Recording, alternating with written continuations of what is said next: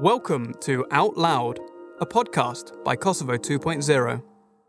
The Necessity for Female Rage in Kosovo by Janice Shehu. Read out loud by Christina Marie. Women embracing their rage is crucial for progress.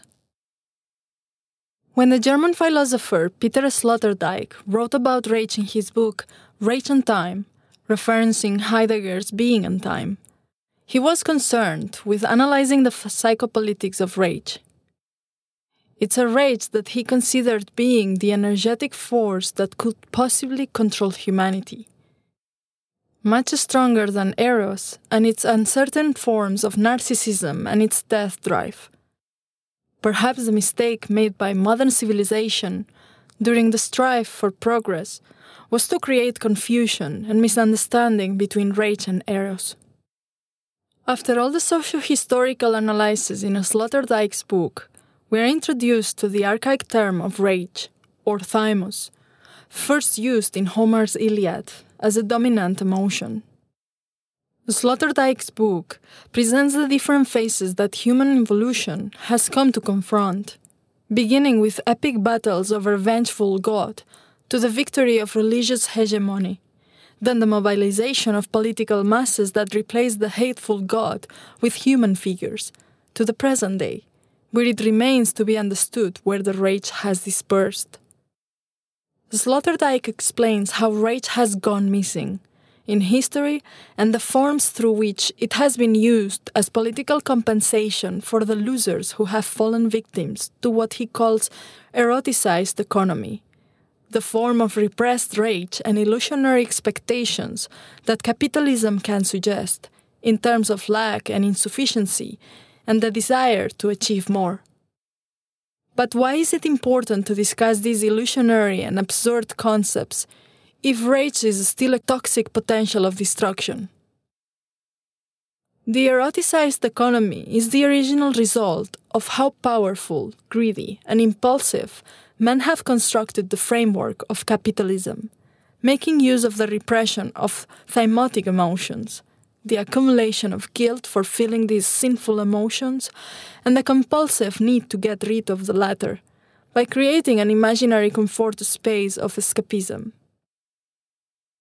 The dreamy character of capitalism appears to be the appeal of peace, security, and prosperity as well as the maintenance of fixed power relations, so that these greedy, powerful, and impulsive men can continue to secure their ownership of the means of production, and in order for the patriarchal system to remain untouched in its nucleus.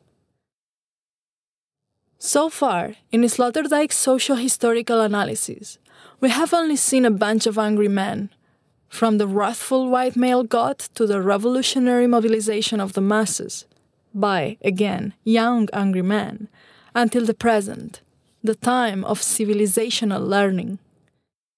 In his discourse, Sloterdijk seems to concentrate on the masses of angry young men that are perhaps found to be everywhere. Angry young men in the Middle East, angry young men in the US, and angry young men in the Balkans. This gender dimension of rage remains unclear, is it because anger and rage are intrinsically and solely connected to men? Throughout history, women have been left out of this equation.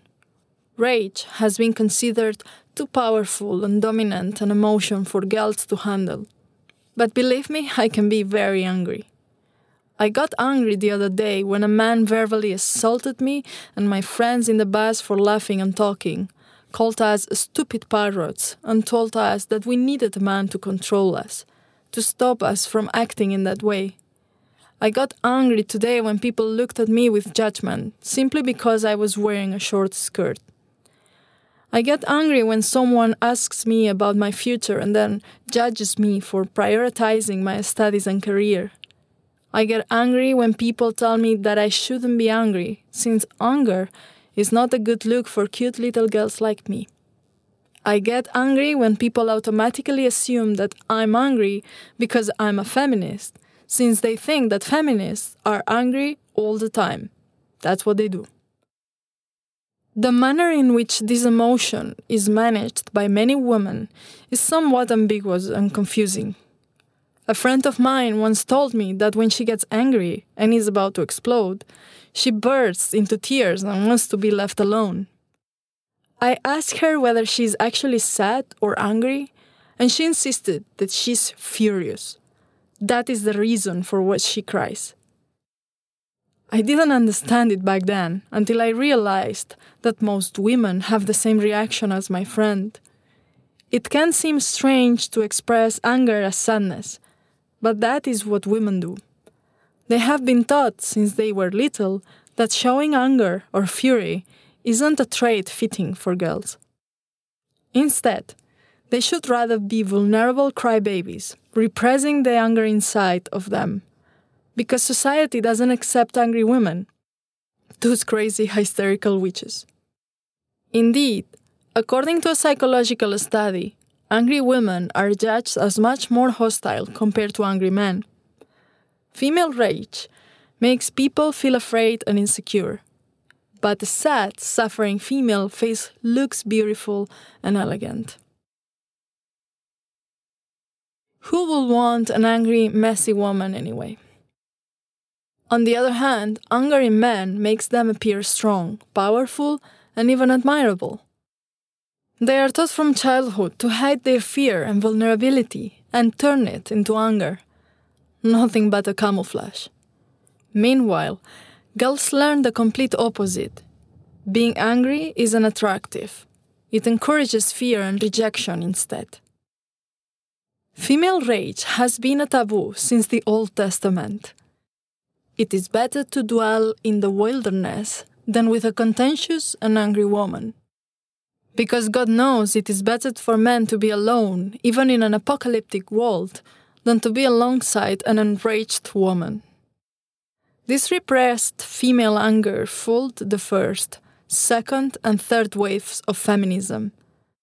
Women started to accept their rage, to embrace it as part of themselves. Nietzsche considered rage perhaps to be the most powerful emotion.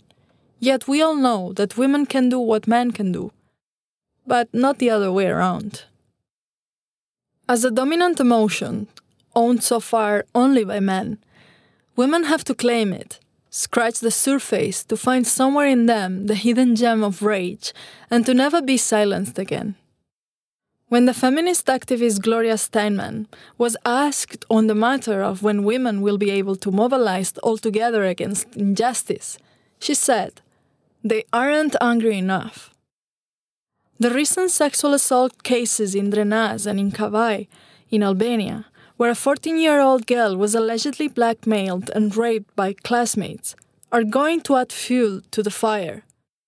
Because women in Kosovo and Albania have been enduring pain, humiliation, and refusal to be treated as even ranked citizens along with men for longer than it can be imagined. Do we really need more horrifying examples of verbally or sexually abused, beaten, or killed women to understand the state of depression that our patriarchal society has been forcing us to live in? Do we have to tolerate more of the actions of greedy, impulsive, and compulsive men to understand the oppression that we are experiencing? When are we going to understand that private life is no longer private when it perpetuates the same features in every little and familiar space. Every abuse experienced by women should be denounced and word should be spread beyond the family walls because thousands of other women are suffering just as much and are in desperate need to know they are not suffering alone. If the state fails to protect women and prevent abuse against them, it is our duty to accept the gravity of the situation and raise our voices to every injustice, even by using our thymotic forces to challenge the rotten norms that shame and humiliate us. I have to agree with Sloterdijk and his principles of thymotic theory, by which it is established that through political groups, political actions, collectivizing affected forces, changing symbolism and rhetoric, we will object to the existing conditions. By fully understanding and accepting our rage, defying the eroticized economy that has chained our corporal and individual liberty, we will put an end to a bloody history of violence and victim shaming. Calm, mild women are rarely taken into consideration, and even more rarely are they listened to. But angry women have changed history. Being enraged shouldn't be considered as a pejorative. It is a necessity to be heard and to make progress happen. In order to achieve this, we need to express our rage. About the author. Janice Shehu is currently enrolled in her master's degree in political theory and analysis at the National University of Political Studies and Public Administration in Bucharest, Romania. She is particularly interested in feminist theory, radical political theory, and cultural studies. To listen to all of our podcasts, subscribe to Kosovo 2.0 in Apple Podcasts, Google Podcasts, or your favourite podcast app. Find more stories at www.kosovo2.0.com.